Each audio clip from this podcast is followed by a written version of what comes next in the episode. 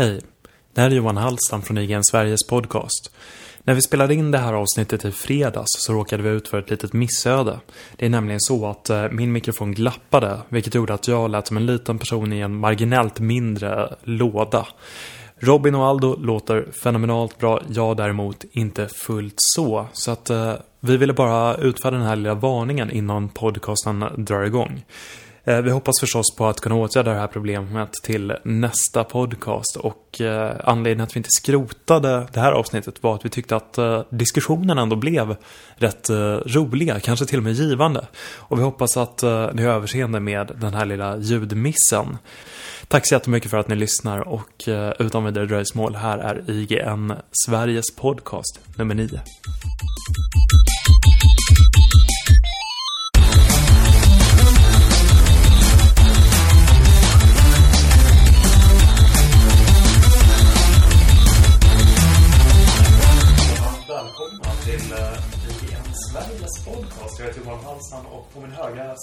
Sitter Robin Stjernberg. Och på hans högra sida sitter Aldo Sartori. Ja. Och vi är, ja vi var ju gruppen i förra veckan också. Nu är vi tillbaka. Hur har veckan varit? Eh, den har väl varit både väldigt händelserik och händelselös, skulle jag vilja säga. Mycket bra spel, eller de spelen som har släppts har varit väldigt stora, men annars har det väl varit rätt dött. Okej. Okay. Ja, jag har haft fullt upp med just spel då. Vad bra. Ja. Men jag tänker så här, Max Payne 3 och Diablo 3, stora spelsläpp. Men annars har det ju varit rätt tomt på spelfronten, eller vad säger du? Ja, det har inte varit så himla mycket i nyhetsflödet som man kanske hade velat. Eh, jag tror att många eh, sitter och förnular lite på det de ska utannonsera på E3. Mm. Därför, därför är den här lilla nyhetsstorkan möjligen att det kommer ske någon, någon läcka så här dagarna innan mässan. Just det, så brukar det ju vara vanligtvis. Mm, litet vakuum. Men tur då att vi har både Max Payne 3 och Diablo 3 och inte minst Awesome House som Robin yeah. Det här är ju spel som vi självklart kommer att eh, komma in på om ett litet tag. Men jag tänkte bara dra innehållet som hastigast.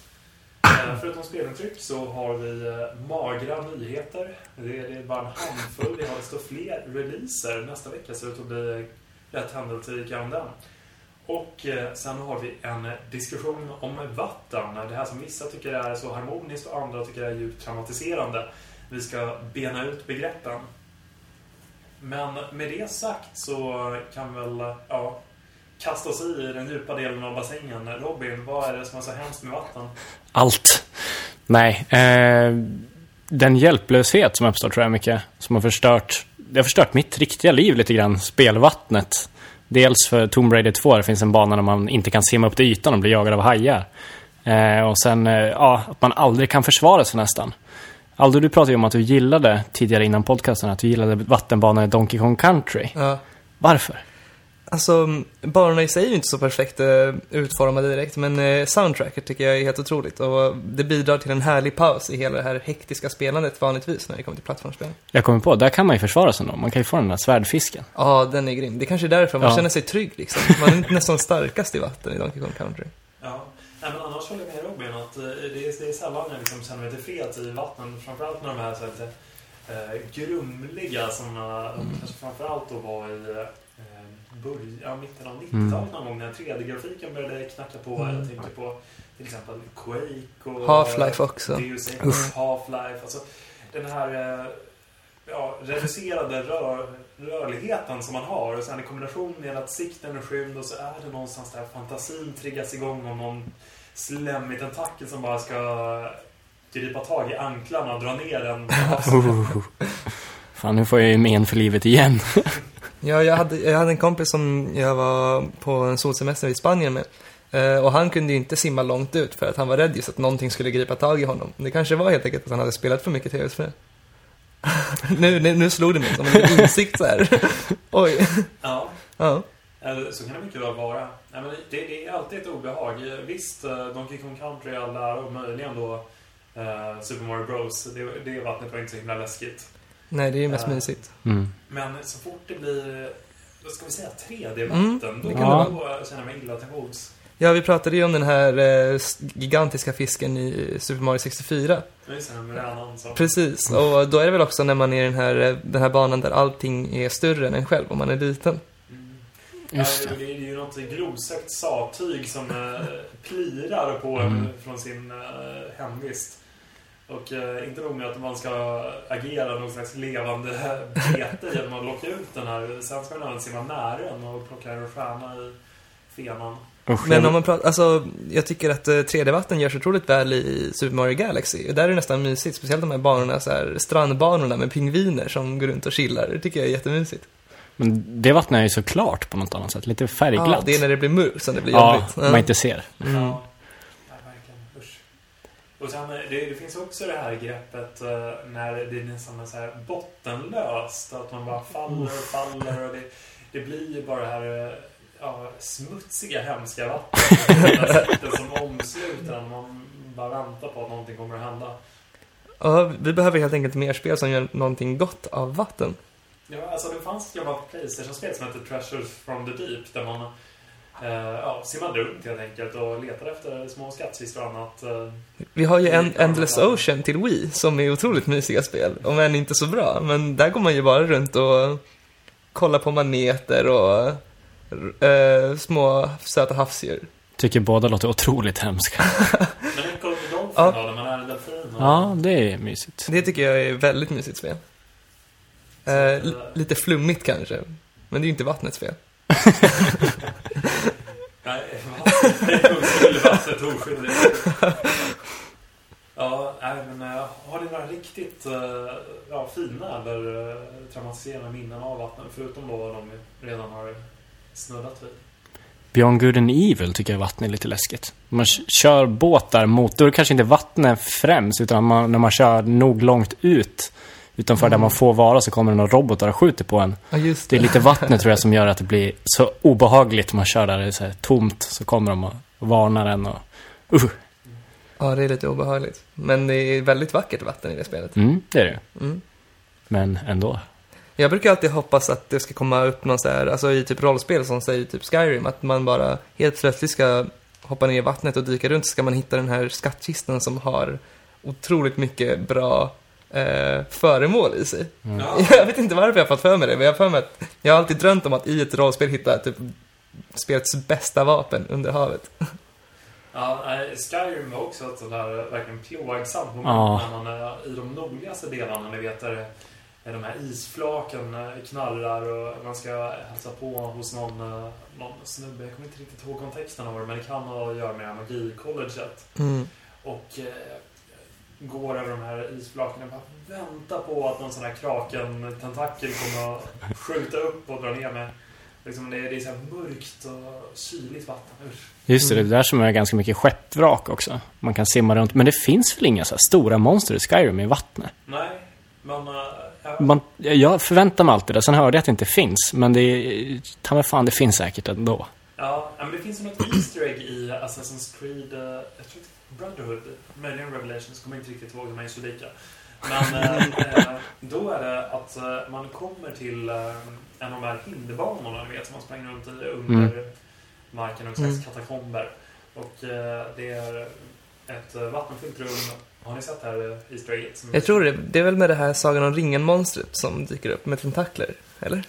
Alltså, jag vet inte, det är, det är en stor eh, bläckfisk av något slag. Ja, okej. Som bara simmar runt där och sen man går nära kanten så liksom skjuter en tentakel upp och det, det Jävlar. ingenting för nerverna.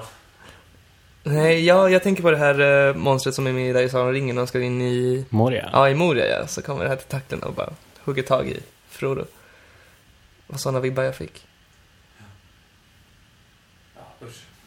Ja, usch. Ja, ingen bra upplevelse. Men vi, vi pratade ju lite om eh, vattenmonstret i Shadow of the Colossus. Nej, just det. Eh, den, eh, minns jag fel om den har lite så här elektriska attacker också, eller? Det jag för mig också. Att, den, Ja, ja. att man håller sig fast, att den slår Ja. ifrån på något sätt. Jag kanske minns fel också. Johan, kan du rätta Nej, oss? det, det kan jag verkligen inte, men det låter eh, misstänkt välbekant. Ja. Obehagligt var det i alla fall. Ja. Sen möter man ju också, det är ju riktigt traumatiskt Shadow of the Colossus, man möter eh, eh, ett flygmonster fast man är i vattnet. Så man måste hoppa tag i dens vingar och sen Just om man ramlar ner så kommer man ner i vattnet så försöker den dyka efter den. Får man klättra upp och hoppa ner på Ja, den precis. igen. Man känner sig som en liten fisk och så är det där den stora måsen som försöker äta upp en. Uh. Rysningar. Ja. Men, eh, ja, jag vet inte. inte. På något sätt är jag ändå glad att det finns eh, de här momenten i spel. Det, det är ju så få eh, spel nu för tiden som lyckas skrämma slag på mig. Det är, Mm. en sorts förskjutning i skräckgenren att eh, de går över till actionspel alla Resident Evil.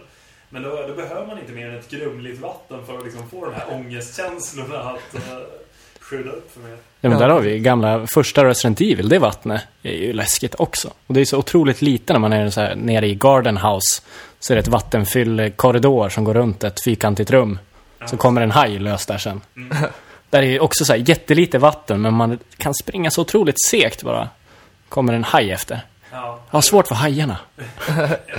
de själlösa ögonen. Ja, Ja, alltså jag tycker ju Wind Waker är en, en, en av de bästa, eller det bästa Zelda-spelet som finns. Och där finns det otroligt Yay. mycket vatten.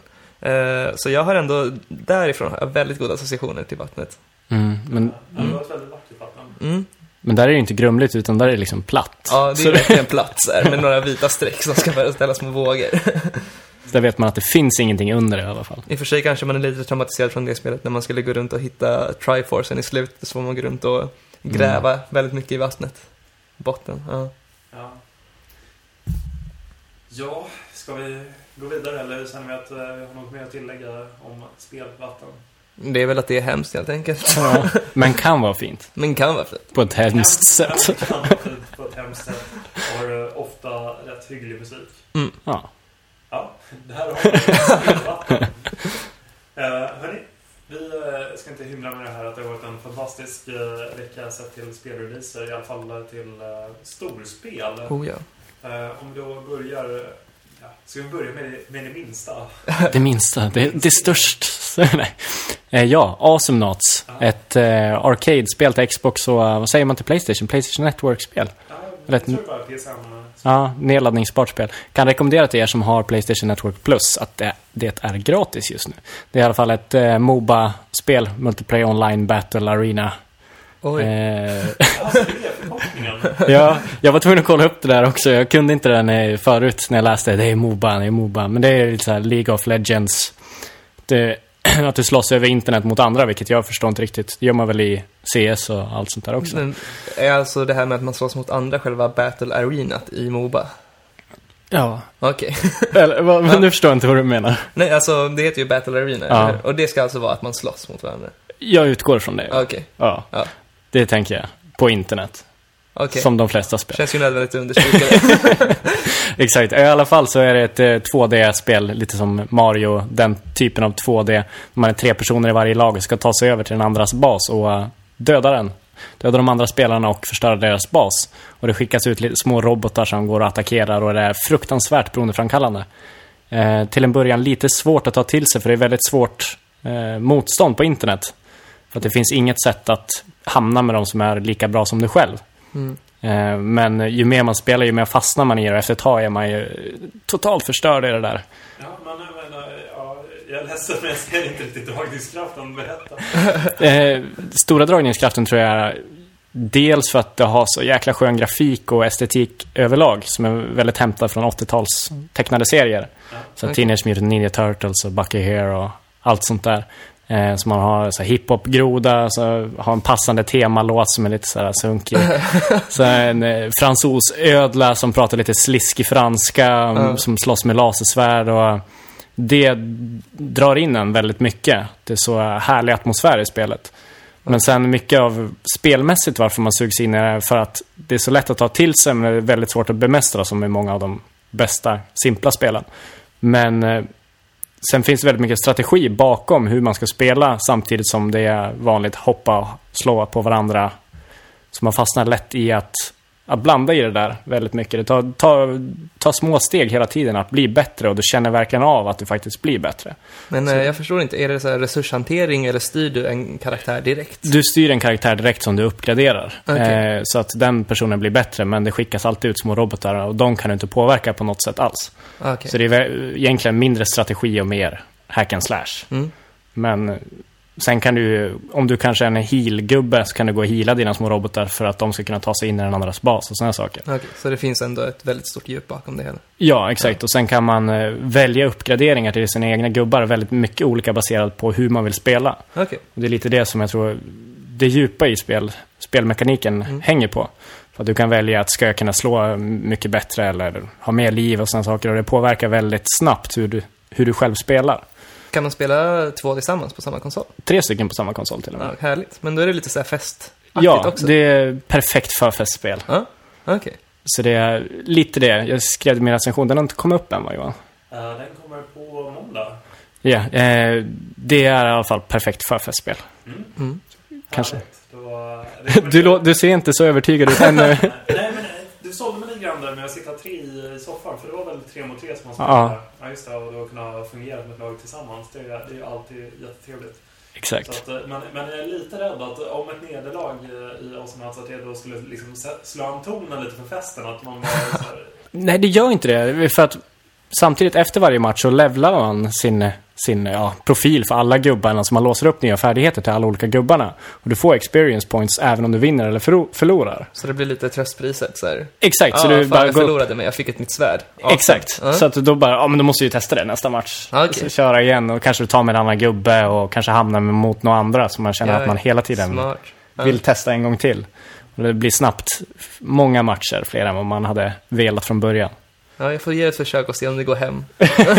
Det kommer det. ja, jag är lite nyfiken. Du nämnde de här karaktärerna. Vilken karaktär spelar du som och varför? Jag brukar spela som dels den här hiphop-grodan just för att han är jäkla skön. Ni får googla på det, du som lyssnar, och se hur tuff han ser ut. Vad ska vi söka på? Hiphop-grodan? Uh, Froggy G. Oj. Och så finns det en cowboy också som är väldigt klassisk cowboy. Kan skjuta ut en eh, så här, hologram-tjur eh, tjur som trycker bort alla andra fiender och kastar dynamit som är väldigt stark. Han är inte lika häftig, han har inte någon sån där coolt namn, men Nej, Froggy G är... men han har hologram och det är häftigt. Ja, exakt. Han kanske kan skjuta ut Tupac snart också. Snart så. Ja, nästa patch möjligen. Ja, Fråga G. Men bara inte någon crazy fråga över hela så är jag jättenöjd. ja nej, nej, nej. nej. Här är... Graven kanske hamnar. Ja, det får vi hoppas. Froggy G dödar honom. Kappa en drive-by. Just det, capen liksom. Där har vi det. Awesome Nuts. Ja, men det, det låter trevligt och om jag hade tid, vilket jag inte har, så skulle jag spela det. Och anledningen till att jag inte har någon tid är ju förstås Diablo 3 som Ooh. har kommit ut. Och eh, ja, det, det, var, det var lite dråplig den här lanseringen ändå. Mm. Mm. Ehm, Folk köade, alla var glada i hågen, stod där vid midnatt, fick sina exemplar möjligen signerade om man var vid webbhallen. Eh, sen kuskade man hem, installerade och... Eh, ja, och... Eh, Error 37 hände. det är, efter 12 års väntan så tvingades man vänta lite, lite längre för att då var det dags för Blizzard server att eh, inte riktigt stå pall för Precis, ungefär ett dygn också. Mm. Men det roligaste tycker jag var, var väl så här de här eh, killarna eller tjejerna på Facebook som eh, la upp bilder på eh, så här, sin dator där de hade eh, lagrat upp med typ så här panpizza, chips, eh, Jolt Cola, all proviant som behövs för natten. Nu ska vi lira liksom. och sen kommer de hem där, det här LAN-gänget och så blev det ingenting. Då hade det varit bra att ha Awesome Nuts. Ja, tröstspel. Ja. Eh, nej, jag, jag kom ju hem eh, där på kvällen. Det här var ju mitt under eh, deadline för tidningen Level. Så jag kände inte, att jag skulle kunna spela hela natten som många av mina vänner då hade för avsikt att göra. Mm. Så att uh, installerade spelet, uh, loggade in, eller ja, uh, logga in och logga in. Jag, jag fick ju den här felkoden och sen ryckte jag på axlarna och gick och la mig. Du tog det helt enkelt lite mer enkelt än vad andra Ja, gjorde. Ja. Men oj, jag, jag mår lite dåligt av de här människornas vägnar. De som verkligen har sett fram emot och och peppat. Och, Ja, det måste faktiskt vara lite synd. Eh, och man börjar ju nästan tänka igen på de här, i de här banorna att eh, så här, hur bra är det egentligen att man måste vara uppkopplad online för att spela liksom? Mm. Ja, i alla fall om man ska bara spela single Ja, nu, precis. nu har ju inte det varit den stora behållningen för mig. Utan Mm. det, det har ju varit att spela i grupp då. Eh, I vissa fall så har det varit fyra, andra tre, men för det mesta två. Mm. Och eh, jag har valt munken. Jag har Ah. ah. det var en väldigt populär klass. Det är så, hur kommer det sig? Eh, jag vet inte, det, det kanske har någonting att göra med den här Shaolin-framtoningen. Även Ja. om eh, dialekten talar för att det är någon slags, ja, en eh, ryss. Ja, Okej. Ja. En Mysk. En rysk Shaolin-munk, absolut. Han tog väl sig över där borta från långt bort i Ryssland neråt. Typ. Ja. Ja. Ja, men eh, ibland sådana här högtflygande sparkar och eh, death palms så har jag fått en sjukt cool eh, attack som är en stor jäkla eh, kyrkklocka som Ja, gungar mm, ner i den är häftig. på folk. Eh, ja, jag älskar den. Det, Ja. det säger bara tjong med efterklang och sen ser man hur en del av fiendernas hälsa bara skalas bort. Mm, jag spelar ju på en Macbook Air, så jag blir alltid lite sur när eh, någon i mitt lag kör den. För det- det är väldigt krävande när de slänger ner tre stycken under samma strid. Så här. Frameraten bara... Mm. Mm, apropå just frameraten, jag kör ju på min, uh, min gamla Macbook Pro, eller gamla gamla, den är från förra året. Mm. Så jag får liksom ha allting på medium och low. Ja. Det är Blizzards uh, OS X-konverteringar lämnar ju en del att önska. Absolut. Det liksom Starcraft. Mm. Så det, det slutade ju med att jag körde in uh, Windows på Macen och liksom bara för att spela Starcraft. Funkade det bättre? det funkade betydligt bättre. Jaha, men Mm. ja, då ska jag köra det. Det, det är möjligt att det kommer att göra liknande Ja. den här gången. Mm. Eh, men Ando, vad spelar du för? Jag har ju provat lite allt möjligt. Eh, Den jag har blivit högst level med är runt 20. Eh, Nu kommer väl alla Diablo Hardcore-fans skratta där för att de redan är level 56. Men eh, eh, så jag kör på Demon Hunter med den klassen. Mm. Ehm, eh, och eh, hon är väldigt häftig tycker jag. Ja. vad roligt. Vad, vad annorlunda. Men, Nej, men... eh, vad annorlunda du är Aldo. Innan vi gick ner här eh, eh, för att spela in podcasten så pratade jag med eh, Levels formgivare Martin om eh, just Demon Hunter som han spelar. Mm. Han, han var så himla trött på henne. Jag spelade henne i betan och jag fick inte alls någon, Mm. eh, någon känsla för den här karaktären. Mm, alltså hon har, jag kände precis likadant i, förs- i början, kanske fram till level 14-15. Eh, men hon har verkligen växt i mig för att det de har gjort fel tycker jag är att man får uh, skillsen som gör henne att, alltså hon blir nästan i början en karaktär som bara är gjord för att evada attacker, men själv inte anfaller. Så det känns ju lite värdelöst. Men eh, sen eh, från 14 och framåt så får man riktigt ordentliga attacker att använda sig av. Och hon är en perfekt karaktär att ha, jag säger hon för att jag spelar som en kvinna, är en perfekt karaktär att ha i, i grupp. Då blir det riktigt häftigt, för då kan man stå långt bort och köra den här eh, attacken som Rapid Fire, eller vad den heter, som är som att man har en machine gun fastmonterad på pilbågen och sen bara kör man. Skithäftig. Just det, det, är, det är då Diablo ser ut med ett bullet hell helt Precis. plötsligt. Flyger åt alla håll och kanter. Men jag har också en relativt, eh, en lite kanske en eh, level 14 eh, Witch Doctor. Riktigt intressant klass. Jag tror det är den mest, eh, vad ska man säga, lekfulla klassen i Diablo. Ja, ja men det, är- jag, jag spelar tillsammans med en, en god vän som kör en Witch Doctor. Och Mm. det, det är ju sådana tokerier. Det är burkar med spindlar och... Händer som dyker upp ur marken och ja, allt möjligt så. Och det tycker jag är riktigt roligt. Och det är en karaktär som jag verkligen skulle vilja bli eh, högre level med bara för att utforska attacker och eh, verkligen leka och utforska strategier. Mm. Mm. Ja, jag, jag vet inte. Det, det, jag har ju vänner och bekanta som eh, är inne på sin andra och tredje vända genom spelet. Mm.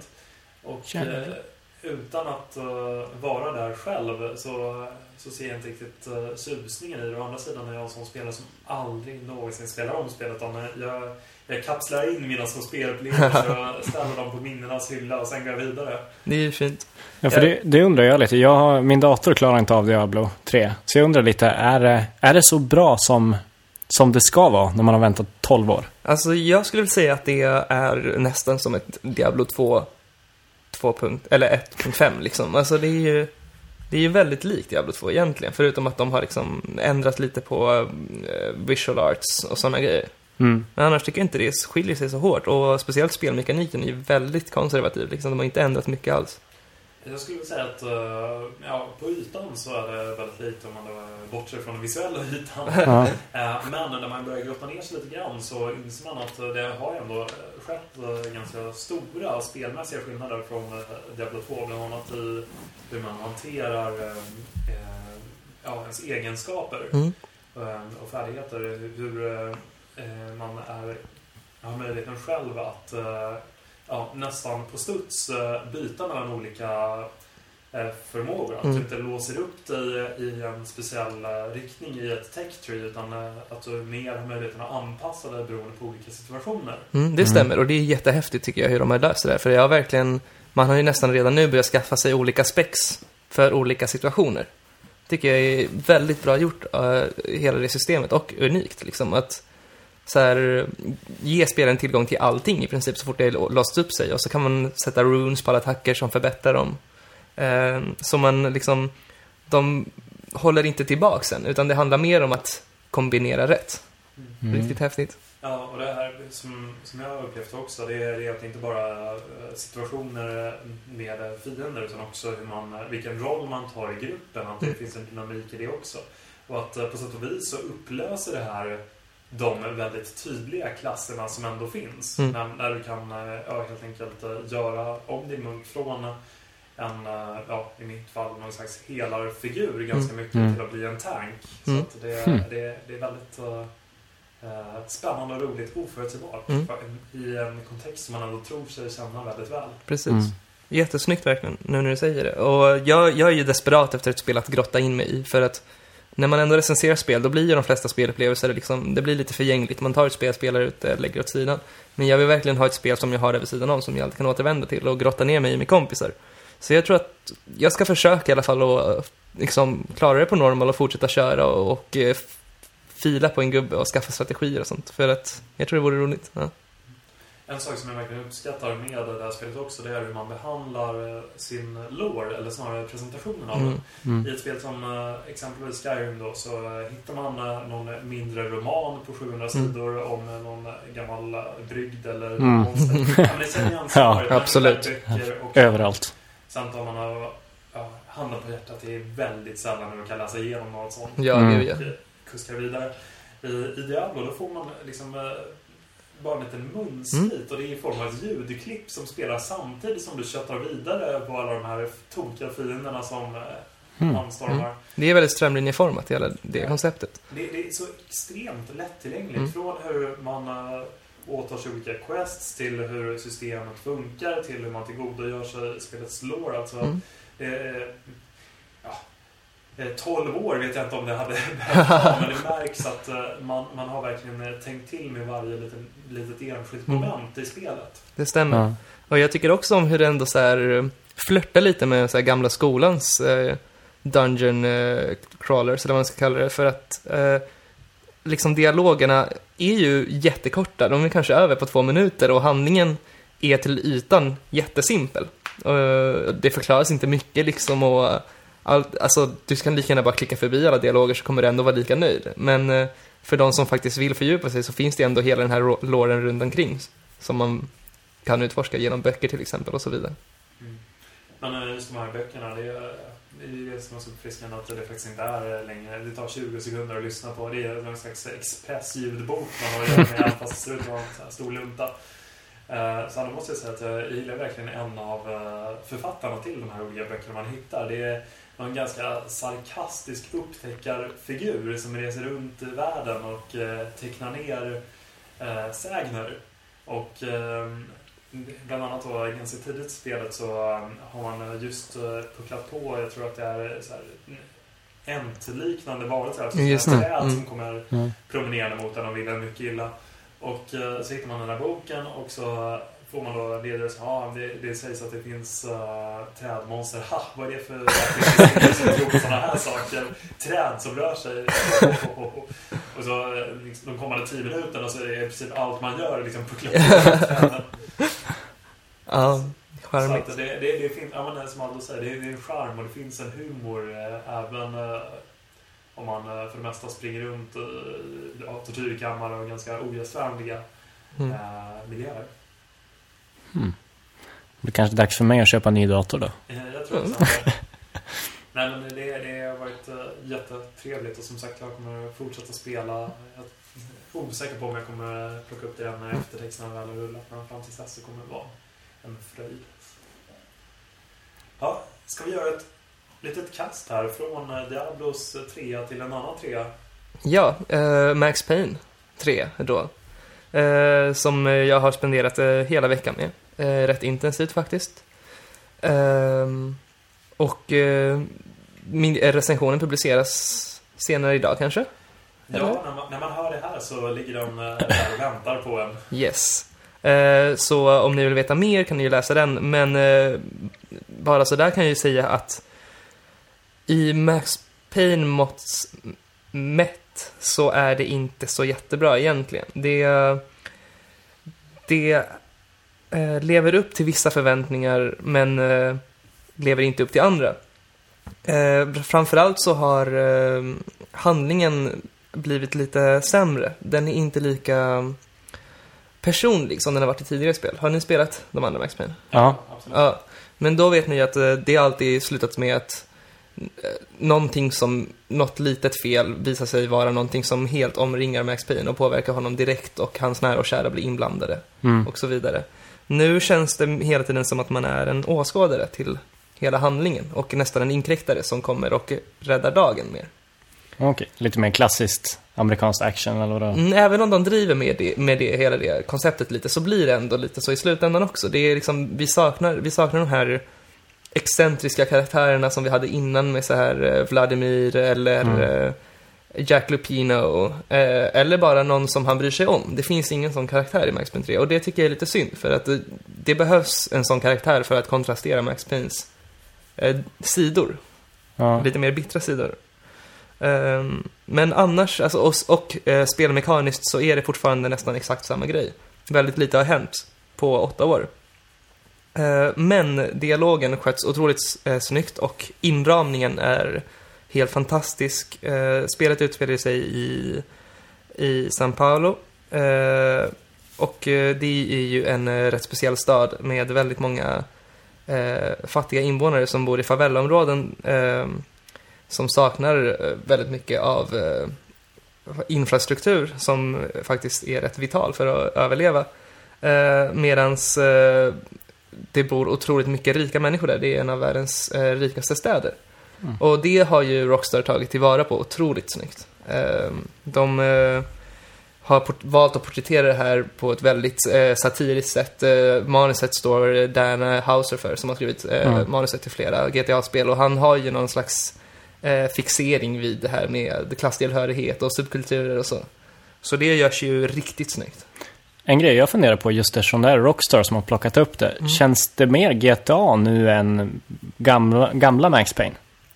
Ja, alltså det måste jag säga. Inte till sin inramning kanske, men till eh, eh, hur man spelar känns... Alltså jag får lite GTA-vibbar ibland och Mm. just eftersom man kan ta cover tycker jag förstör otroligt mycket av spelupplevelsen. För att eh, nu känns det mer som ett post-Gears of War-spel och Rockstar har ju aldrig riktigt kunnat hantera cover-mekanik tycker jag. Nej. Ehm, så nu blir det lite mer att man tar skydd, kör bullet time, skjuter, tar skydd igen och håller på så där, poppar upp, poppar ner. Uh, Medan det i förra Max Payne-spelen tyckte jag, den stilen passade serien betydligt mycket bättre. Att man bara hoppar in i ett rum, kör bullet time, skjuter alla i huvudet och sen är det klart. Liksom. Det blir lite mer straight forward action. Mm. Nu känns det lite mer som en tyngre actionfilm. Typ. Och eh, nu har de också infört något, eh, någon mekanik som gör att man, eh, om man krockar med något när man slänger sig i bullet time, så avbryts bullet timen på en gång. Istället för att man glider över det. Alltså. Okej. Så det sätter lite hinder för flytet i actionsekvenserna. Jag funderar lite på, är det, är det så mycket noir? Det beror på, alltså. Jag tycker ju inte noir behöver vara det här, eh, att det måste vara svartvitt och så. Liksom. Det, Re- det regna och... Ja, och regnet och allt det där. Det, det finns ju en annan sorts noir också. Ehm, jag tycker det de lyckas göra är, för vissa har de släppt det här klassiska 40-tals-noiren. Eh, men eh, Max Payne är ju fortfarande en noir i sig. Mm. Hans dialoger är noir och så vidare, monologer. Men eh, det de har gjort är helt enkelt att tagit den här karaktären och placerat honom i modern kontext. Och det tycker jag är riktigt snyggt. Det blir någon slags neo-noir över det hela tycker jag. Ja, Är det ett nytt begrepp? jag tror det. jag vet inte. Tusan. Ja.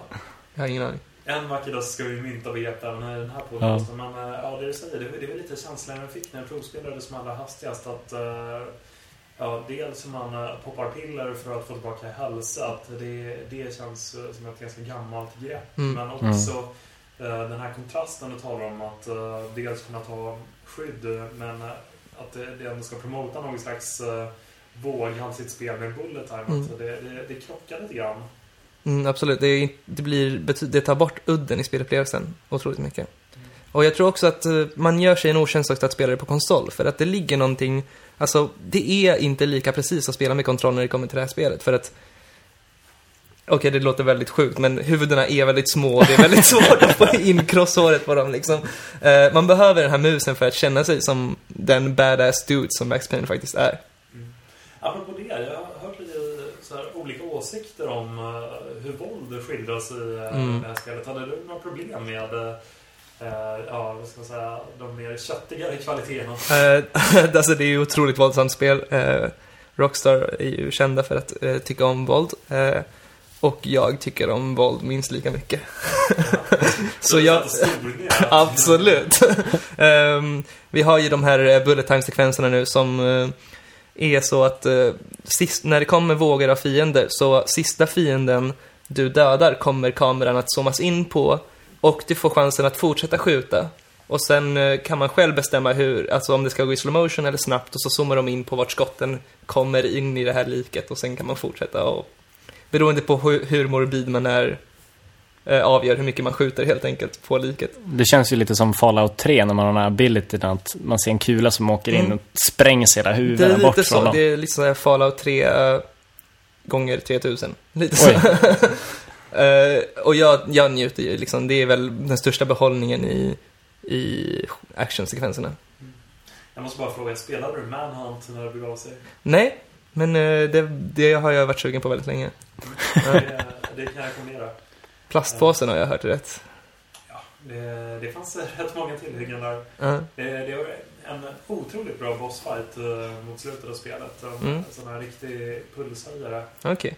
Eh, men jag ska väl inte avslöja någonting då. Nej, men eh, en fråga om det spelet. Det fick ju ändå rätt blandad kritik. Och betygen landade, blev ändå relativt låga, men är det fortfarande ett, ett spel värt att ta alltså, se tillbaka till och spela? Eh, Det, det är ju otroligt svårt att säga det. Manhunt, eh, om man inte riktigt var med, det var ett eh, väldigt kontroversiellt Rockstar-spel för ja, PS2 och Mm. den Xboxen äldre, kanske vi ska kalla den. Mm. Där man spelade en dömd fånge som var i en extremt kameraövervakad stad. Det här är ju lite så här innan kamerorna poppade upp i London så Mm. Mm. Rockstar siade lite om framtiden. Men eh, så är det någon sjuk människa som ger en eh, direktiv om att eh, ha ihjäl folk och ju blodigare och eh, mer groteska de här avrättningarna blir desto mer går den här åskådaren igång på det man gör i någon slags snuffformat. Och jag tyckte att det hade sina problem när det begav sig men det, det skapade en väldigt tryckande och olustig känsla som var smått unik för det Mm. spelet. Mm. Och sen hade man en små påhitt för sig. Till exempel kunde man ha mikrofon och ehm, eh, då ropa på de vakterna som patrullerade för att få deras uppmärksamhet. Eller bara om man eh, kanske eh, tyckte att det var så pass hemskt det som utspelades på skärmen att man flämtade till eller så. Mm. Och så kom vakterna och undersökte var man var någonstans. Men eh, som sagt, eh, otroligt tät och eh, olustig stämning Mm. som inte har gått Lå- igen med något annat spel. Det låter som någonting för dig, Aldo. Ja, jag tänkte att det alltid är ett spel för mig. Ja. Eh, så jag ska nog, eh, Du får gräva fram det. ja precis, eller tjata på Rockstar att de ska göra någon uh, nytolkning. Mm. Ja, men han två var inte alls lika bra kan jag tillägga. Nej, det har jag hört. Vad var det som var Mm. problemet då? Ehm, dels så twisten som hade den var så sinnessjukt uppenbar från första bildrutan. Och sen, sen var det väl lite att man gick vilse i sina gore-ambitioner. Okej. Mm. Och, eh, Ja, det, det var ju inte alls det där ja, slaget i magen Nej. som det första spelet var. Utan det är lite av en sån här direkt-till-video-uppföljare, Mm. Mm. tyvärr. Men var det inte lite så här... ehm, jag vet inte om det var så, men hade det varit någonting med en reality show? Att de filmade det för att visa upp det på TV eller någonting sånt? Eller? Nej, Nej, det, okej. det var ingen, ingen sån här running man. Nej, okej. jag Ja, tänkte att det var någon slags sån så här, samhällssatir liksom på det också. Alltså på sätt och vis så kanske det var någon slags, om det, det här är Big Brother Ah, Okej, Mm. ja. i, i barnförbjuden version. Eller Mm. än mer barnförbjuden. Men det måste man ju uppskatta Rockstar för tycker jag. Att de alltid, alltså även om det inte kanske är särskilt insiktsfull eh, samhällskritik så är det ändå väldigt humoristisk eh, samhällskritik de har i sina spel. Och det tycker jag är väldigt kul. Speciellt i GTA-serien då, där de verkligen gör, gör det med glimten i ögat. Republican Mm. Space Rangers. Mm. Ja, Ska vi ta en liten titt på nyheterna? Det har inte varit så himla mycket. Vi har däremot en, eh, ja, en trailer. Återigen, det är kanske blir Mm. vårt stående inslag. Traileranalysen. Ja. Dissekerar trailers. Ja. måste plocka ner folk på jorden med allt för höga förväntningar. Nej då, nu ska vi nog eh, höja förväntningarna tror jag. Det ska vi. Vilket Ja. har spelat Robin? Last of Us. Och vad tycker vi om The Last of Us? Eh, vi tänker exakt likadant. Ja, jag kan väl börja lika bra. Jag tyckte det såg väldigt eh, imponerande ut. Det var, visades inte så mycket, men eh, det vi såg eh, imponerade. Jag vet inte. Det, Vi, vi kan köra en liten fotnot här. Last of Us, eh, för de som inte riktigt vet, är alltså Naughty Dogs uh, nästkommande spel. Det är nu man Mm. bryter med Uncharted-serien för den här generationen i varje fall för att göra ett, eh, ett helt nytt spel. Och eh, vi befinner oss i eh, en typ av eh, postapokalyps mm. av, vad ska man säga, I am Legend-snitt. Ja, fast kanske lite mer överlevande. Ja, Men det är väl det jag tycker ser ut att vara ganska häftigt i det. Att det är lite åt det hållet. Att det är väldigt tomt och dött. Och även, för det ska väl finnas någon slags zombie-varelser. Ja alltså det, det, Det var väl det första teaserna hintade om. precis. Det, är- det är någon slags virus som har slagit ut stora delar um, av mänskligheten. Mm. De som har överlevt har eh, bildat eh, små eh, samhällen, små enklaver. Och eh, till en början så styrdes de här i någon slags ja, militär regim, men det här har Mm. sakta men säkert eh, övergått till att eh, överlevarna sätter sina egna regler och premisser för överlevnad. Det tycker jag är mer intressant än, än den här liksom, fullbordade zombie-världen som nästan alla spel och serier ska hålla på med nu, att det är zombies överallt. Ja, nu är det Eh. väl någon slags här, flora och fauna som har blivit lite mer infekterad. Jag tror inte det bara gäller människor heller. Nej, så att man får följa hela världen som Ja, utvecklad. det tycker jag är jättesnyggt. Och jag kommer ihåg när de visade den här första trailern så var det någon som hade luskat fram ett litet klipp från det och vart det kom ursprungligen. Så var det från en eh, naturdokumentär där de visade en parasit som, eh, jag tror det var så att den först lägger sig i typ sniglar. Eh, och tar över deras, den sätter sig i hjärnan och så här. Och sen kommer fåglar och äter upp parasiten. Ah. Eh, och ehm, sen eh, genom avföringen så sprids den ut över eh, ett område. Och då, då, landar den då visar de att den landar till exempel på myror, men den kan infektera andra djur också. Och eh, det som händer då är att eh, parasiten kommer i myran och eh, sätter sig i hjärnan och eh, börjar på något sätt, liksom det blir fel på alla kopplingar. Så den, myran kan i, princip inte styra sig själv längre. Så den eh, eh, svamp, eller parasiten får myran att ta sig till en stark, en stor höjd där den får sol på sig. Eh, och eh, andra, andra myror hjälper den här att försvinna för att det här viruset kan sprida sig. Så de bär upp den här till en stor höjd och avlägsnar den från flocken. Och sen börjar det växa ut en jättestor svamp från huvudet som de filmar så här i slow motion. Jätte... Det lät obehagligt. Ja, det är jätteobehagligt. Frågan är om det kommer vara något liknande här med människor då kanske? Ja, men det, det jag tänker är väl att eh, det visar lite på deras ambitioner, att det ska vara en hel, eh, ett liksom hela ekosystem som påverkas Mm. av det här viruset. Ja, jag, det var jag, jag är alldeles småläs här. Jag tycker att det låter sjukt bra. Eh, nej, men lite som Robin var inne på också. Det, det intressanta med eh, de här postapokalypserna och inte minst eh, i ja, till exempel Walking Dead då. Det är att eh, zombies och postapokalyps det är ju egentligen bara en ursäkt för att eh, rikta spegeln mot oss själva.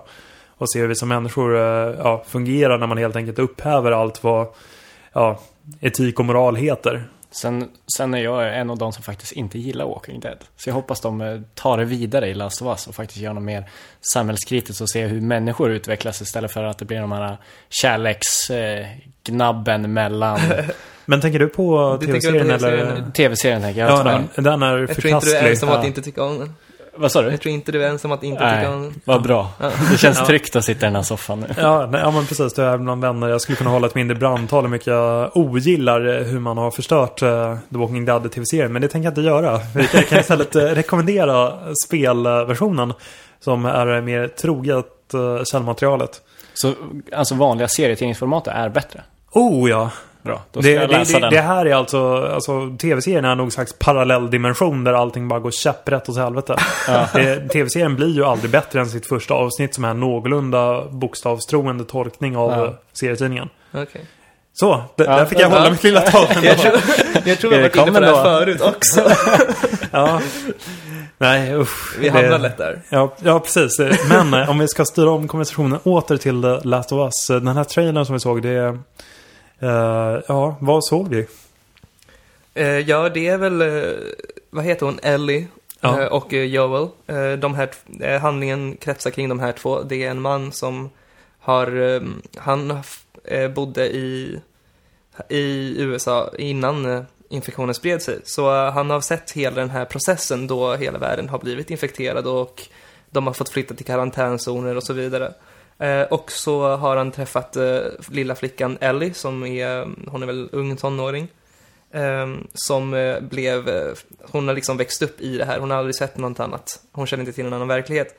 Ehm, och eh, på grund av några omständigheter har de flytt från de här militära karantänzonerna. Så det vi får se är väl helt enkelt någonting som utspelar sig efter det. De sitter i en bil eh, och kör varpå det kommer en eh, man som eh, Eh, verkar behöva hjälp. Eh, men Joel säger då att eh, ger väl tecken på att eh, de inte ska hjälpa henne, eller honom och eh, kör bara vidare. Och eh, varpå det ploppar fram eh, flera andra människor som visar sig vilja eh, göra någon slags raid mot dem. Eh, varpå de kör iväg och eh, krockar mot en vägg och sen fejdar skärmen. Och så han, han kommer någon mysig liten country, Ja, eller så här apocalypse country som Ja. jag kallar det. Klassiker. Dawn of the Dead. och- Ja, Dawn of the Dead tänker jag också när de Mm. kör eh, Johnny Cash där i Ja. början. Det är lite den inramningen också. ja Naughty Dog eh, har ju berättat att det här är eh, ja, en typ av aptitretare inför eh, E3. Vad säger ni? Vattnas det i munnen? Ja, det tycker jag. Jag tycker det är intressant att de har valt att inte lägga fokus i just den här trailern på monster och ekosystem utan faktiskt integra- integrationen mellan olika människor. Det är lite Mad Max-känslan, att det kan komma folk och attackera en eller hoppas att de tar det så långt som The Road. Att det faktiskt kan vara kannibaler och liknande som är riktigt råa. Att man faktiskt inte vill... Att man är mer rädd för människorna än kanske monstren. Nu finns Ja. inte de i The Mm. Road, men ändå. Men visst är det så att man, man vill ju verkligen se de hemskaste, äckligaste kvaliteterna hos människorna förkroppsligas i den här postapokalypsen. Faktiskt, för att det, jag tror mycket hänger på för att man själv, om man drömmer sig bort i någon sån här apokalyps, tänker man att det finns så mycket frihet. Det är väl det lite som är skärmen i det. Du kan göra precis vad du vill, men det intressanta är ju vad som händer när du får så mycket frihet. Mm. Det är väl det jag tror de kan, de om någon kan lyckas göra det bra. Absolut, jag tycker om också att Notre Dog faktiskt eh, för första gången ger oss en eh, riktigt eh, vuxen historia. Det har de inte riktigt gjort innan, så att säga. Menar du att Crash Bandicoot inte är det? Jo, det här är svinande kritik mot uh, Uncharted-serien. ja, det skulle jag inte kunna kalla för vuxet riktigt. Det är ju matiné, det är ju härligt. Ja. Ja. Ja, Lite mer Indiana Jones. Lättsmält liksom. Men eh, det här verkar ju vara lite som riktigt rått och jag tycker också den här trailern visar lite på den här eh, cynismen som växer fram hos Joel efter att han har följt hela det här. För att han redan från början är inställd på att Nej, antingen, alltså antingen behöver den här killen hjälp eller så kommer han råna oss. Men oavsett så tänker jag köra över honom för jag tänker inte riskera någonting. Ja, Det, det jag blir nyfiken på här det är att Ellie eh, reagerar instinktivt att eh, men vi måste hjälpa honom alltså, längs med resans gång. Om hon då, om den här cynismen kommer då färga av sig på henne. Det är intressant vart hon kommer ifrån eftersom hon är så naiv till andra människor. Mm. Hon måste ju uppvuxen i en ganska bra miljö, trots är- att världen jag har gått tror, under. Jag tror hon är uppvuxen i en av de här karantänzonerna hela sitt liv. Ah. Och där är det ju så att eh, de är förvisso skyddade, men eh, det är väldigt strikta lagar som gäller och eh, de är väldigt övervakade och militären är inte direkt de snällaste och bryter man mot lagen så blir man avrättad. Oj, oj, oj. Ja, vi kan väl kort säga att om man vill se trailern eller läsa en intervju med Naughty Dog så kan man klicka sig in på IGN där allting finns serverat och klart. Eh, med det sagt så har vi, ja, vi har ett par andra nyheter. Det, det känns så, så skraltigt. Men är väl inte så stora överlag? Nej, det, eller ja, ja får jag säga. Jag, jag har en, ett litet S i rockärmen som jag tänker spela ut efter den här. Och det är att Metal Gear Solid HD Collection eh, kommer, ja, den är på väg till PS Vita. Det visste vi sedan tidigare. Men det har fått ett datum nu. Den 12 juni släpps det i Europa. Och eh, ni var skeptiska, hör och häpna, på förhand. Men Det det, börjar bli lite skeptiska gruppen här. ja. IGM dissekerar kan vi döpa om den här podcasten till. Nej men det är väl mycket för att, du sa ju det Aldo, att de har tagit bort Peace Walker från den här collection till vita. Mm. Då blir Om det ju, jag inte misstar mig, men jag tror, jag är rätt säker på att det är så. och om det är så, då är det inte en collection. Då är det ju en, en bundle eller någon Ja. typ av, ja men så här, ja, double pack liksom. ja exakt. MGS 2.3 borde den vara heta istället. Precis. Nej men jag tänker att till formatet så är det ju säkert perfekt. Eller ja, i och för sig, spelen är inte jättebra anpassade till så korta spelsektioner som ofta bärbart spelande innebär. Men eh, jag kan tänka mig att de kommer säkert göra väldigt bra konvertering av det. Eh, men sen märkte man ju typ Metal Gear Solid 3 till 3DS att det var ju kanske inte så kul att sitta och spela det på tunnelbanan eller bussen. Det ville man ju ha en stor TV och Precis. surroundljud och Ja, jag, jag personligen kommer absolut inte kunna, jag kan inte ens tänka mig tanken att spela ett äh, Metal Gear Solid bärbart. Jag förstår liksom inte charmen i det. Nej, Peace Walker gjorde det ändå någorlunda bra för de styckade upp det ganska mycket. Ja, i och för sig. Men det spelet var ju gjort för en Ja. bärbar konsol. Så det kan jag kanske, det har jag, jag har inte spelat det, men det kan jag såklart tänka mig spela bärbart liksom. Mm. Men inget av de stationära spelen. Det är för episkt för Ja. det bärbara formatet känner jag. Vitan är i och för sig lite mer episk än 3DSen. Absolut. Nej, men det är väl lite därför vi är lite kritiska. Bara en aning. Ja, Mm. bara en Men aning. eh, om, man, om man ser utanför vår lilla sfär, Ja. kommer det här då, alltså vitan behöver ju storspel, ingen snack om Mm. saken. Kommer det här på något sätt kunna driva upp försäljningen? Någonting? Nej, Det, det är inte rätt titel. jag, jag, jag tror inte det. Jag tror att eftersom det redan kommit till Playstation 3 och eh, MGS3 har kommit till 3DS och sådana saker. Så finns det väl inte så jäkla stor marknad för det, tror inte jag. De Nej, alltså det måste, har- det måste ju vara i sådana fall den publik som har en eh, Vita men ingen PS3 eller Ja. Xbox. Eftersom att den här samlingen plus ett extra spel redan har släppts till de konsolerna. Exakt, jag tror inte det är jättestor publik. Nej. Samtidigt så unnar jag ju gärna, eller absolut, de som inte har spelat eh, något Metal Solid innan och bara har en Vita att spela med. För det är ju fortfarande väldigt, väldigt bra spel som man inte får missa. Så för det skulle jag glad. Mm. Problemet bara att ettan inte är med, så man kommer nog inte fatta så mycket. Nej, just det, just det. Men Hur- i alla fall. Ja, men eh, ettan kan man eh, få tag på via Playstation Network. Ja. Precis, så då kan man ju ha hela samlingen. Precis. Men jag tror folk börjar undra också lite så här, hur många gånger ska jag behöva betala för samma spel? Det Mm. börjar ju bli lite aktuellt nu när utvecklare gång på gång på gång har börjat re-releasa spel. Framförallt Nintendo har ju varit väldigt duktiga på det. Ehm, jag tror att det liksom, det börjar eskalera hur trötta människor är på det. Men likt förbannat köper vi dem. Ja, eller gör vi? Eller Jag, kanske det jag, jag, vända, tänker liksom. typ Ocarina of Time, det 3DS sålde väl extremt Men de har ju bara släppt Ja. det, ja i och för sig, ja. De har släppt det som konvertering också till Wii. Ja, Ja, och GameCube. ja just det. Nej men jag, jag, jag skulle väl säga att det, det är lite skillnad här. En, sak är att göra det väldigt lätt för sig att släppa ett spel helt utan vidare i originalformat för eh, Mm. exempelvis PSN eller eh, Live Arcade.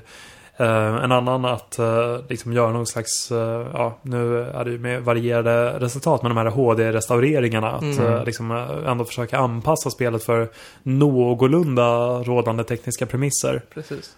Och sen, jag inte, i en, i en perfekt värld så skulle väl hela spelkatalogen ända tillbaka till 70-talet vara tillgänglig för precis alla format. Så att man när som helst skulle kunna gå in och spela vilket obskyrt spel som helst. I HD. I HD.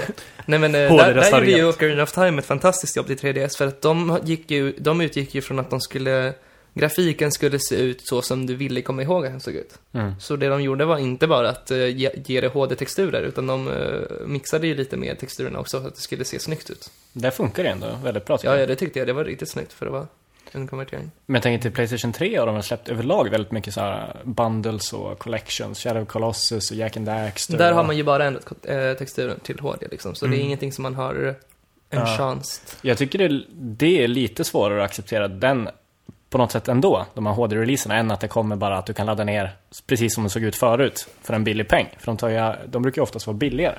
Ja.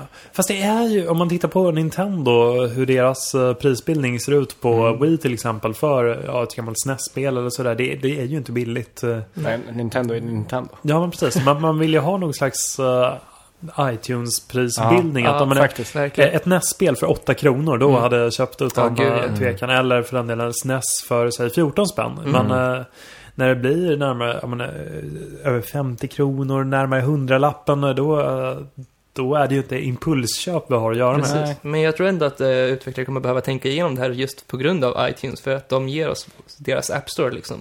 som eh, är så snabbt, smidigt och billigt liksom.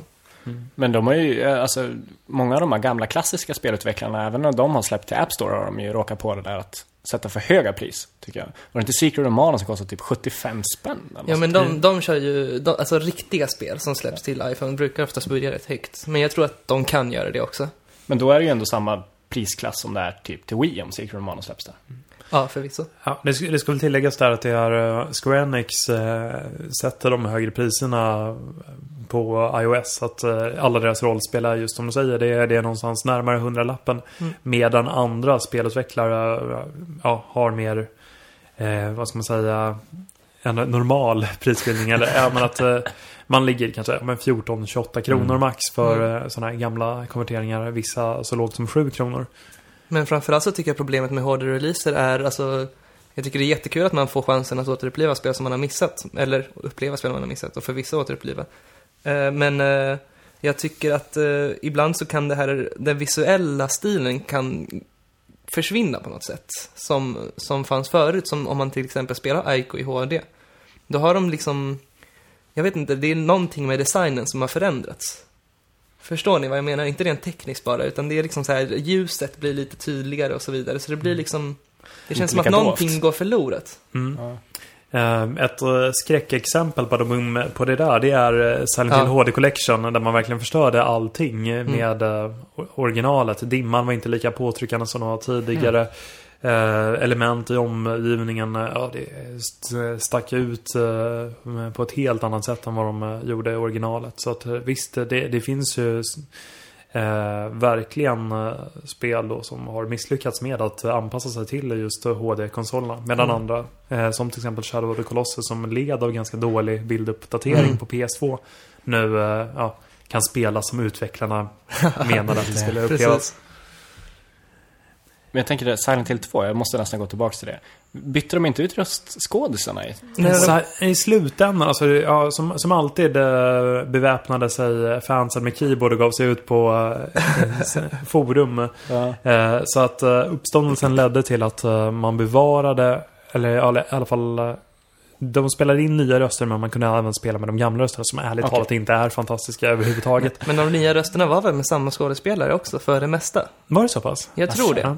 Eh, De hade bara liksom, jag vet inte om det var bättre prestationer och bättre ljud som de hade lyckats spela in med, tror jag. Mm. Ja, och trean då, den var oförändrad. så att okej. rösterna, grafiskt var den eh, sämre, betydligt sämre än eh, till eh, Playstation 2. Ja, men det är de här spelen som bygger på att man liksom inte ska se för mycket. Och, och man, man ser ju jättetydligt när man har i HD liksom. Ja, Då kommer vi tillbaka lite till vattnet där. precis. HD-releaser på vatten, är- då blir de inte så läskiga kanske. Nej, Ja, precis. usch. Nu... Man ser allt. Får de släppa en Tomb Raider 2 i HD ja, så precis, jag... som vilken spelare. Ja, så jag kan spela det och ta bort min skräck för vatten. Jag tycker ändå att det är, det är någon slags hälsosam eh, respekt för ett förrädiskt naturelement du har där. Kanske. Eh, ja. Eh, vi eh, tar och kastar oss in i Kickstarter-kollen. Det här var ju någonting vi tittade på i tidigare avsnitt av IGN Sveriges podcast. Och nu är vi tillbaka. Det har nämligen kommit upp nya spännande Kickstarter-projekt. Carmageddon va? Nej, men Inte? det vill, nej. Vill, Okej. vill du pimpa Carmageddon så kör hårt. Ja, men kom inte det upp? Vad var det? Förra? Jo, jo. Ah, Ah, okej. Det är det bara det att eh, när jag sätter etikett på saker så är det inte spännande. Carmageddon, Ja, okej. riktigt samma sak. Ah. ah, du Men så. eh, Aldo tycker det är spännande för att det är våld. ja, som en våldsentusiast är. så- vill jag köra ihjäl folk. Ja. Nej men vad var det du skulle ta upp då? Ja, jag tänkte, jag tänkte lite mer fredliga alternativ här. Ah. Eh, till exempel Tex Murphy. Mm. Känner ni till? Alltså, mm. Berätta mer. Jo, eh, luta er tillbaka nu så ska jag ta med er till eh, mitten av yes. 90-talet. Även, det var ju så att när CD-ROM-teknologin lanserades så öppnades helt fantastiska möjligheter. Man kunde helt plötsligt eh, ha videofilmer i uh, hisnande MPEG-1-komprimering. alltså man såg knappt någonting. Men eh, det här det banade i alla fall väg för FMV-spelen. Där uh, ja, någon slags uh, B-skådisar blandat med ja, porrskådespelare som ville slå in sig på en ny bana eh, stod eh, och agerade framför, eh, ja, i någon spelkontext. Och eh, för det mesta slutade det här i eh, ja, rena rama katastrofer. Det finns få undantag. Ett av dem är Gabriel Knight 2, The Beast Within. Ett annat är Tex Murphy-serien som då är en eh, peka-klicka-spelserie som korsar Blade Runner med eh, Nakna Pistolen. Mm. I någon slags noir Alltså Blade Runner Noir med Nakna Mm. Pistolen-element kan man säga. Alltså det, det är humor på, eh, jag tänkte säga hög nivå, men Nakna Pistolen är ganska låg. Avslöja Eh. lite för mycket om vad du tycker om nakna pistolen. Ja. Nej, men det, det, det är väldigt eh, trevliga peka-klicka-äventyr Mm. som eh, nu genom Kickstarter ska gå igen i och med eh, ja, en nyinspelning av ett FMV peka-klicka-spel. Har du Eh. koll på hur det går med finansieringen? Eh, hittills går det bra. Alltså, äventyrslystna peka-klicka-vänner är extremt generösa. Så Okej. att eh, målet är satt till 450 000 dollar för mig. Och Mm. eh, det är väl en, ja, bit över 150 tror jag. Hittills. Okej. Och det, den här eh, kampanjen drog igång då i tisdags. Så att eh, risken är förstås att nu har alla glada äventyrare gett sina bidrag och Mm. att det liksom avstannar helt och hållet. Men eh, som den vän och peka-klicka-äventyr jag är vill jag slå ett slag för Tex Murphy. Man kan i alla fall eh, klicka sig in på Kickstarter och ta en eh, närmare titt. Finns det något sätt att ta delar av de gamla spelen gratis? Inte gratis, men eh, de finns på Good Old Games. eh, Okej. Med möjligheten då att sparka igång dem. Och, För, Okej, för det, jag tror bara det skulle gynna dem om någon liksom kunde ge ut dem gratis för att få uppleva dem till spel, eller människor som är främmande för dem, liksom, för att få se vad de, vad de har gått för i alla fall. Ja, nej, men, eh, men det, det är ju en intressant grej att man skulle kunna ja, släppa ett spel det första eller ja, det Mm. andra som är det bästa gratis då. Men eh, ja, ska man kickstarter kolla lite ytterligare så ja, Battle Chess, något ni känner igen. Nej, faktiskt inte. Eh, det här det är också tillbaka till eh, en svunnen era. När, när vanligt hedligt schack inte var tillräckligt och de var tvungna att liksom foga in eh, våldsamma animationer. Ah. Och nu ser jag allt Yes. lyser upp och läser direkt. ja, nej men det, det var ju i princip så att eh, eh, när en, en pjäs knuffar ut en annan så ledde det till någon slags eh, mordisk animation där bland annat Ah. tornet tog och käkade upp drottningen. Oj, oj, oj. Det ja. blev någon slags, ja, vad ska man säga, eh, stenmonster av det hela. Huh. Eh, och, Jag vill slänga in Froggy G där. Alltså. Ja, Käpa dem.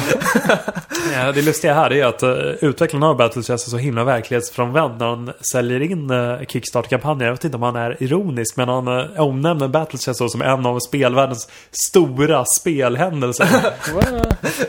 Ja, fantastiskt. Ungdomar, se vad ni har missat. Antingen har vi missat en utvecklare med otroligt låg självdistans, eller otroligt mycket självdistans. Ja. vi, vi får nog bena i det här till nästa vecka. Mm. Men eh, innan eh, det att vi tar farväl för den här gången så har vi releaselistan för den kommande veckan. Och eh, som vi hintade om tidigare så ser den ju ganska matig ut. Vi börjar med mm. Dragons Dogma. Jesper håller på att spela för fulla muggar för IGN. Recension dyker upp i nästa vecka. Han är väldigt optimistisk. Jag har pratat med honom vid ett par tillfällen och Mm. tycker att det, Mm. det är riktigt bra. Så det, det bådar ju gott. Absolut, Annars har det absolut. fått ja, lite, lite halvdan kritik. Mm. Eh, sen har vi Sorcery. Robin, Ja. det här kommer vara din helg. Det kommer vara min helg. Jag ser fram emot mästerverk. Ja. Mm. Moviftande i sann Harry Potter-anda. Jajamän. Ja. Uh, Ghost Recon Future Soldier. Här kommer man Mm. kunna läsa din recension i nästa vecka. Jajamän. Där är väl lite... Jag ska väl inte spoila allt för mycket, men eh, inte lika bra som jag trodde det skulle vara. Nej, eh, föga förvånande. Eh, jag bara väntar på att någon ska säga det här spelet är så mycket bättre än vad jag trodde. att- När händer det liksom? Jag kommer säkert säga det efter helgen med Sorcery. Absolut. Och det betyder inte att dina förväntningar är på någon slags fotknölsnivå just nu. Det kan fortfarande vara helt värdelöst, men det kommer fortfarande vara över mina förväntningar. Sen har vi racing-sidospåret Dirt Showdown. Just det, just det. som också dyker upp. eh, Och avslutningsvis eh, Mario Tennis Open. 3DS-tennis Mm. med Mario och hans vänner. Mysigt. Mm. Ganska späckad vecka får vi se. Ja. Och eh, med det sagt så ska vi dra den obligatoriska informationen. Det är ju så att man kan hitta den här podcasten bland annat på iTunes. Där man hemskt gärna får skriva upp små recensioner av den. Ros Gärna konstruktiva. Eh, Om man vill eh, klaga hur neggiga vi är så skriv det där. Alternativt eh, surfa in på Igen Sveriges hemsida, se.igen.com. Nu funkar den här redirecten så att trivs man inte på den lokala delen av IGN så går det alldeles utmärkt att ta sig vidare till den engelska, den amerikanska, den australiensiska och den tyska. Mm. Och snart en eh, mellan... Eh, Mellanöstiska. österska. ja. Ja, det, är- det är fantastiskt. Man kommer Ja. kunna klicka runt hela världen inom uh, Absolut. IGN-bubblan. Ehm, vidare då så kan man eh, kontakta oss på Twitter. Aldo du finns på. Aldo understreck Sartori. Jag finns på äh, Robin Stjernberg. S-T-J-E. Stenberg. Och jag på att Johan Hallstan. Och eh, det ska väl monteras upp någon fungerande mailadress som man även kan ta och skicka in eh, på. Jag är lite osäker på eh, hur, hur fungerande den är i tillfället. Så att eh, vi, vi återkommer till den i nästa vecka. Mm. Och med det återstår väl bara att önska alla en riktigt trevlig helg. Särskilt Robin med Sorcerer. Tack. Tack för att ni har lyssnat. Ha det jättebra så hörs vi om en vecka. Adjö. Hej då.